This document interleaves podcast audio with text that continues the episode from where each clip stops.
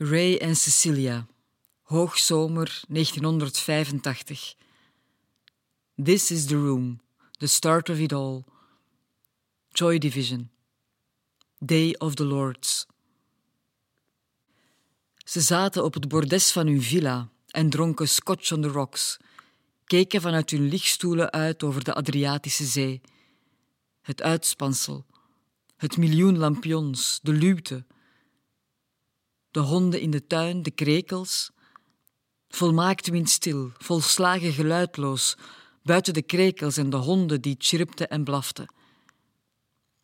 In de verte voor hen zagen de man en de vrouw het basalt van het rimpeloze zeewater en het inktblauw van de nachthemel zich versmelten tot een vage, haast onzichtbare zwarte gloed. Aan de andere einder hing een hemelgrote, buiten alle proporties opgeblazen volle rode maan boven het land en zette hen in oranje lichtkringen. De vrouw droeg een diep uitgesneden tennisjurkje, de man een wit katoenen short en een lichtblauw linnen hemd met korte mouwen. Ik mag meer zorgen. Zorgen um mich. Denk ook aan morgen. Denk auch an mich.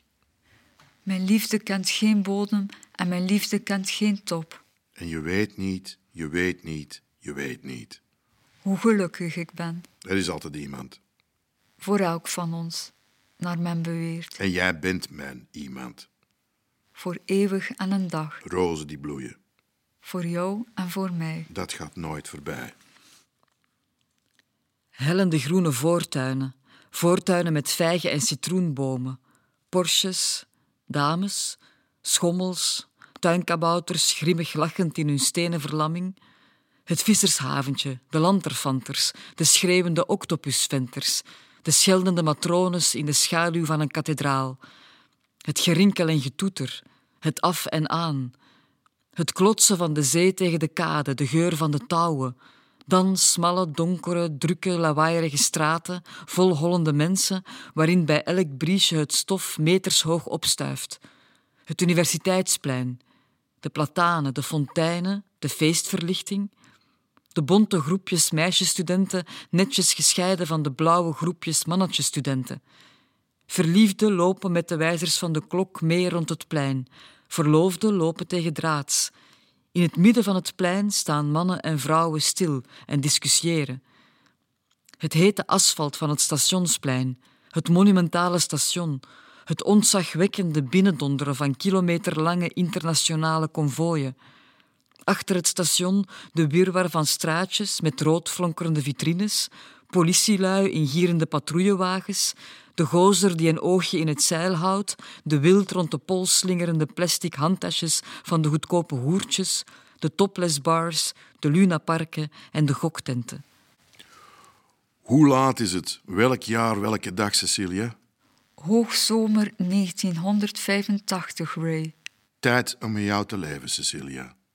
Zoals je ziet sidderen mijn handen niet meer, Ray.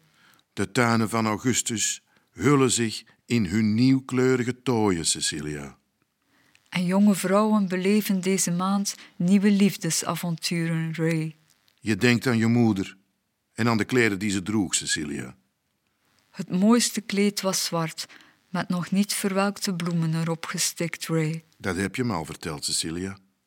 Al tienduizend maal, Ray. Als een acht maanden zwangere naakte hoer van veertig. Je voorstelt haar in haar hutje in haar bos voor helemaal niets in de kont te neuken. Wat doe je dan, Ray? Haar om een dubbele beurt vragen, Cecilia. Wat ben je toch een lieverd, Ray? Meen je dat huis, Cecilia? Uit het diepst van mijn hart, Ray. En hou nou je kop of ik sla erop, Cecilia.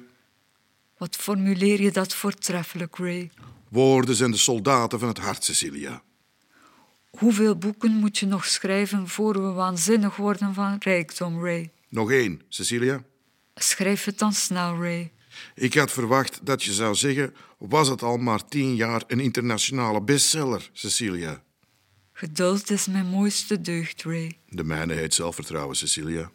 Ik weet het, Ray. Daarom zijn we samen zo sterk, Cecilia.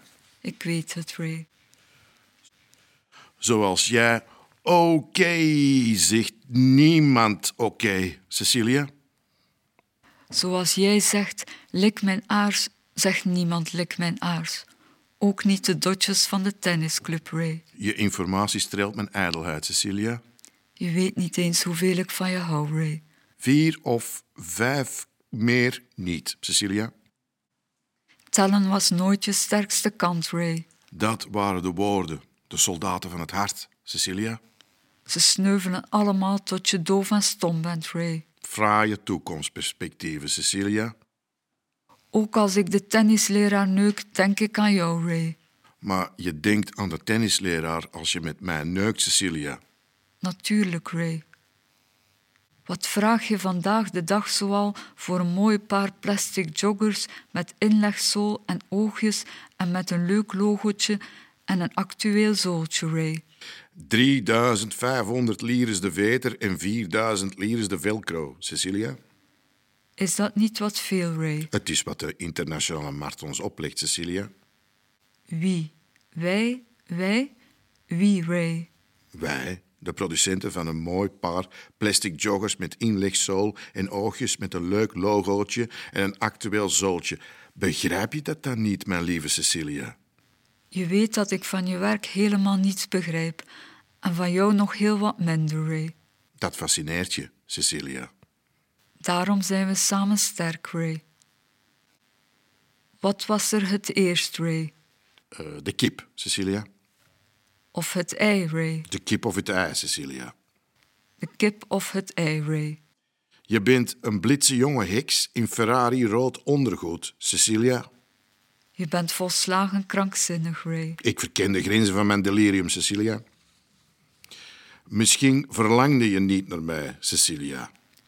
Maar naar een andere man, Ray. Misschien verlangde ik niet naar jou, Cecilia.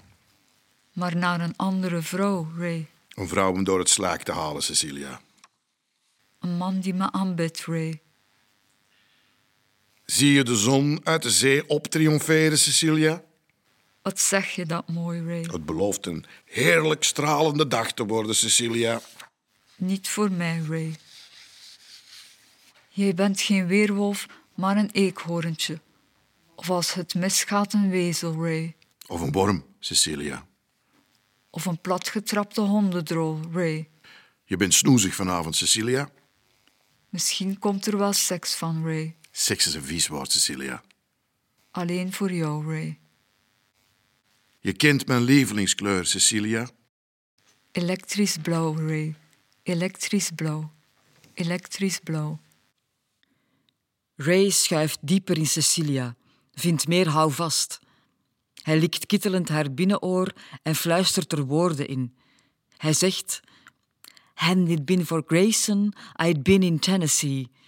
Met een schok van haar bekken duwt Cecilia Ray dieper bij zich naar binnen.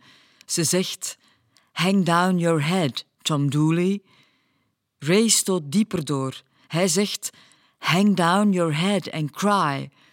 Cecilia slaat haar benen in een wanhopige knoop om het bekken van Ray en fluistert: Hang down your head, Tom Dooley.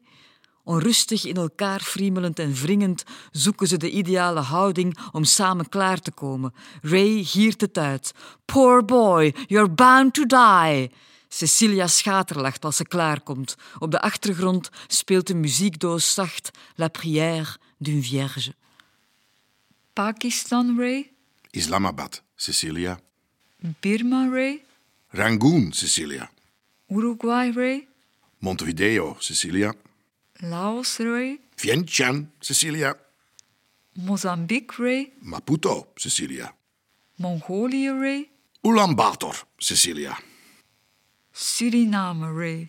Paramaribo, Cecilia. Nieuw-Zeeland, Ray. Wellington, Cecilia. Bolivia, Ray. Caracas, Cecilia. Nee, Ray. La Paz. In een stralende, bezopen hoogzomernacht van het jaar 1985, terwijl de honden slapen en de krekels als bij toverslag zijn gaan zwijgen, stellen Ray en Cecilia op het bordes van hun villa hun top 5 aller tijden samen. Ze drinken uitbundig witte wijn, kraken er verse amandelen bij, eten er hels gepeperde taralini bij. Ze lachen er uren om, praten er uren over, draaien honderden liedjes uit hun jongere jaren. Ze maken er een feestje van, dansen en flirten zelfs met elkaar in de witte living van de witte villa, terwijl hun schaduwen wild rondhuppelen over de kale muren. De eenparige beslissing wordt pas uren na zonsopgang genomen, als de zon al steil naar de hemel klimt en de postbode al voorbijgekomen is met de rekeningen en de correspondentie. 5. Wuthering Heights, Kate Bush. 4. Turn, Turn, Turn, The Birds. 3. The House of the Rising Sun, The Animals. 2. A Wider Shade of Pale, Procol Harum. 1. The Great Pretender, The Platters. Vele dagen later staat op 100 If I Were a Carpenter van Bobby Darin en op 50 Bus Stop van de Hollies. Cecilia. Haar gebruinde, naakte lichaam op het hemelsblauwe laken van het hemelsblauwe hemelbed in de hemelsblauwe slaapkamer. Haar gebronsde, slapende lichaam, waarvan Ray nu ieder plekje kent, ook de geheime hoekjes en de verborgen kantjes. Is het een hij of een zij, Cecilia? Dat soort vragen mag je niet stellen, Ray. Dat weet je maar al te best. Is het een hij, Cecilia? Nee, Ray. Het is geen hij. Dan is het een zij. Ken ik er goed? Ik bedoel, ken ik er van nabij? Van zo heel nabij, lieve Ray. Ben je het weer eens zelf, Cecilia? Ik ben het zelf, Ray. Cecilia.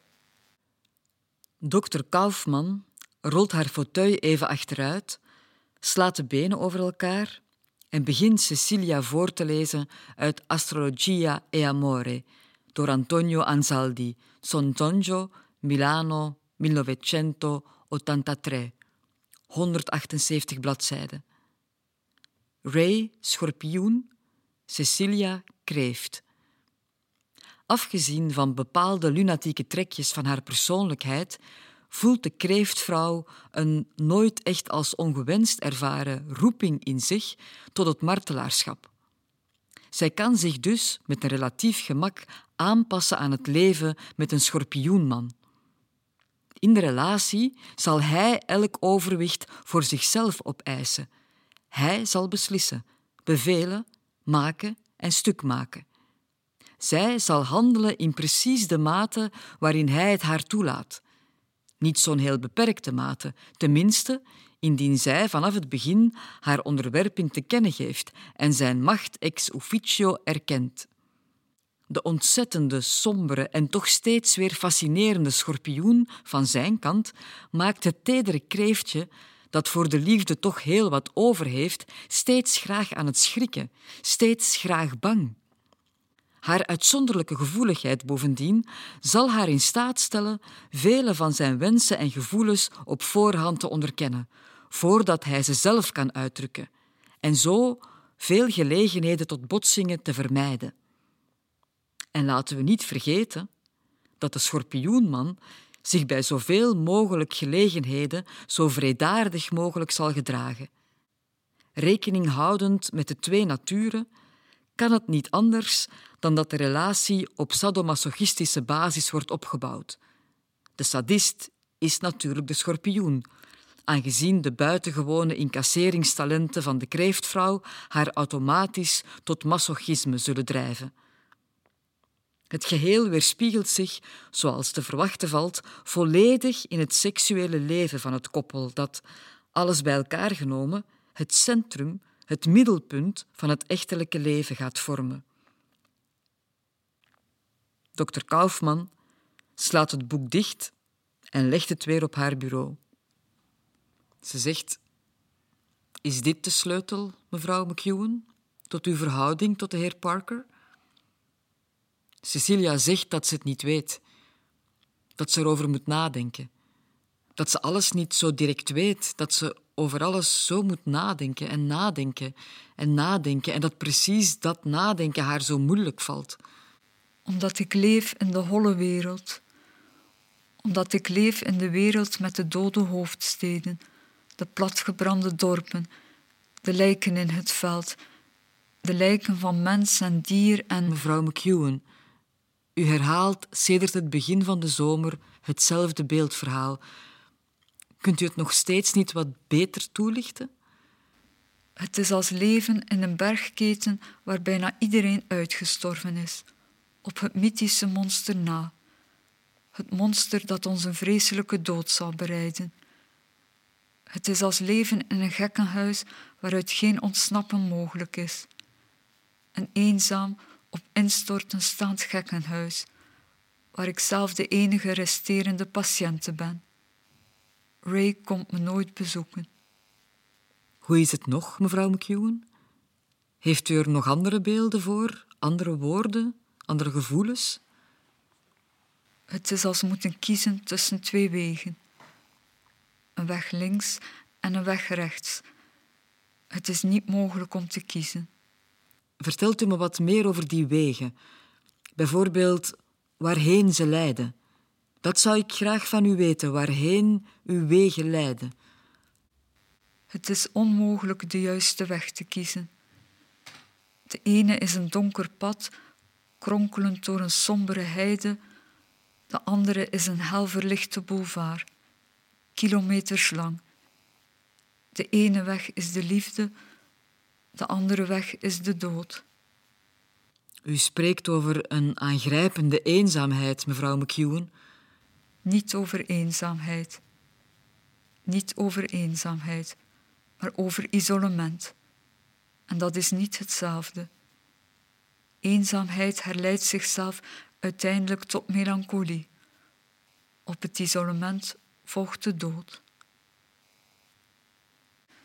Gelukkig heb ik jou, lieve Ray. Io faccio che cazzo voglio io, cara Cecilia. Sono cazzi tuoi, caro Ray. Waarom haat je me dan zo, lieve Ray? Omdat je al mijn zelfvertrouwen de kop hebt ingeslagen en de doodsteek in het nekschot hebt gegeven, lieve Cecilia. Marijuana is maar marijuana, lieve Cecilia. Het is een plezierig alternatief, lieve Ray. Waarom lieg je er dan over, lieve Ray? Omdat de werkelijkheid erger is, lieve Cecilia. Veel te erg voor jou, niet voor mij. Ieder huisje heeft zijn kruisje, lieve Ray. En van dit huisje ben niet ik, maar jij het kruisje, lieve Cecilia. Ik ben niet de man die je nagels van je tenen voor je zal lakken, lieve Cecilia. Vraag dat maar aan een van je zestien minnaars. Vijftien, lieve Ray. Het zijn er sinds gisteren maar vijftien meer. Noem het maar seksuele drempelvrees, lieve Ray. Is het niet eerder een soort seksuele plankenkoorts, lieve Cecilia? Do me a favor. Drop dead, dear Cecilia. Have a change of scene, dear Ray. Una lacrima sul viso, cara Cecilia. Non holeta, caro Ray. Gone with the hula hula boys, lieve Cecilia. Gone with the wind, lieve Ray. Via Colvento. Cecilia bekijkt zichzelf in de spiegel van de badkamer. Ze draagt een rode, doorschijnende nachtjapon. Ze zegt: En als ik werkelijk een lichtender, een geuriger bestaan wil leven, moet ik al mijn krachten bundelen en met de moed die me nog rest, het smeken uit mijn ogen verdrijven. Het smeken, het bedelen, het niet durven vragen om een aalmoes, een piepklein aalmoesje aandacht. Maar Ray vindt me niet op de bodem van de stille oceaan, in mijn holle wereld. Het salontafeltje zit onder drank en asvlekken. Overal op de vloer liggen glazen, glaasjes, flessen, asbakken, scherven van vazen, platen hoezen, gebroken 45 toerenplaatjes, verscheurde boeken. De witte staande lamp is aan diggelen gevallen. Het zwarte hoektafeltje staat omgekeerd in het midden van de living met twee afgebroken lakpoten. De naald blijft tikken aan het einde van een langspeelplaat. De tuindeuren naar het bordes staan wijd open. De honden lopen onrustig en zachtjes jankend, zenuwachtig door de tuin. komen binnen als ze Ray zien zwijmelen. Vragen, met schuin gehouden hoofden en grote opengesperde ogen. Ik weet het niet, zegt Ray. Kokhalzend, hoestend en proestend, half rechtop lopend en half op handen en voeten kruipend, laveert hij door de gang, komt even op adem aan het einde ervan, kruipt de trap op, trekt zich even op aan de staven van de reling en strompelt naar de slaapkamer. Het bed is onbeslapen. This is the room, denkt hij. The start of it all. De duivel danst in je verroeste, afgeschilferde hersenpan. Er loopt een diagonaal zigzaggende scheur dwars door het merg van het schedeldak boven je hoofd. Je gesternte heeft kanker. Je kop spat in zestien stukken uit elkaar, de brokstukken vliegen in het rond. Je keukenkraan lekt. In het holst van de nacht belt magere Hein je op. Hij is, als bij toeval of door een ongelukkige samenloop van omstandigheden, in de buurt en wil je graag onmiddellijk komen bezoeken in zijn groene Lincoln, of je de deur al op een kier kan zetten. Je primal scream blijft in je strottenhoofd steken en knijpt je de keel dicht tot je bijna stikt. Je kaapt nog net de laatste prijs weg, een staande ovatie van een groep debiele pubers met roos en zweren. Je draaitafel piept. Alles is al verteld, maar kan dus net zo goed nog een keer worden verteld.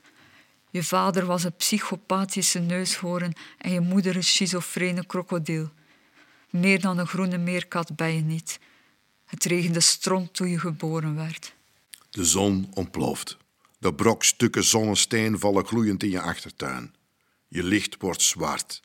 Gure, hard in de huid van het gelaat bijtende noordenwind. Het kraken en knetteren van de kou als van vermolmde kerkstoelen op de brandstapel. De kelken van de grote rode rozen op je behang verschrompelen tot kleine, knisperende, rossige blaadjes die, als je ze tussen duim en wijsvinger neemt, tot bruin-grijs stof verpulveren en vergruizen. Aan het eind van je reis ga je sprakeloos en op je krukken naar het veelbeluik aan de rand van de stad. Een bruin bakstenen gebouw te midden van andere bruine bakstenen gebouwen. De vilder doet zijn werk snel, keurig en met overgave. De rest wordt hondenvreten. Een geconstipeerde gele hond perst je jankend door zijn hele darmkanaal en huilend door het gaatje van zijn aars. Je ligt als groen-gele drol in een goot in een steeg aan het andere eind van de stad, wat voor je uit te stinken in de regen. Tot onverhoeds iemand in je trapt en je met zijn gescheld en gevloek brutaal uit je dagdromen schopt. Onthoud dat je stof en as bent. Stof en as. Einde van de reis. Terminus veelbeluik. Iedereen uitstappen. Niet dringen. Voeten vegen. Opletten voor hondendrollen. Zwijgen. En alfabetische volgorde respecteren. De directie van het veelbeluik deelt mee dat de productie reeds is volgeboekt tot aan het einde van het volgende kalenderjaar. De bezoekers worden verzocht zich onder alle omstandigheden, ook de pijnlijkste en of de meest dramatische, te gedragen volgens de regels en of bij ontstentenis daarvan naar de algemeen geldende opvattingen omtrent doen en laten in dit gebouw.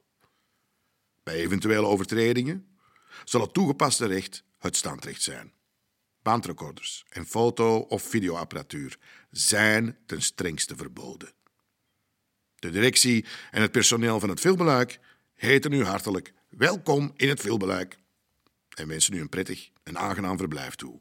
Bezoek ook onze cafetaria met 80 zitplaatsen en miljoenen staanplaatsen. Proef ons gebak. Bezoek ook onze afdeling elektro. Knalprijzen, stuntaanbiedingen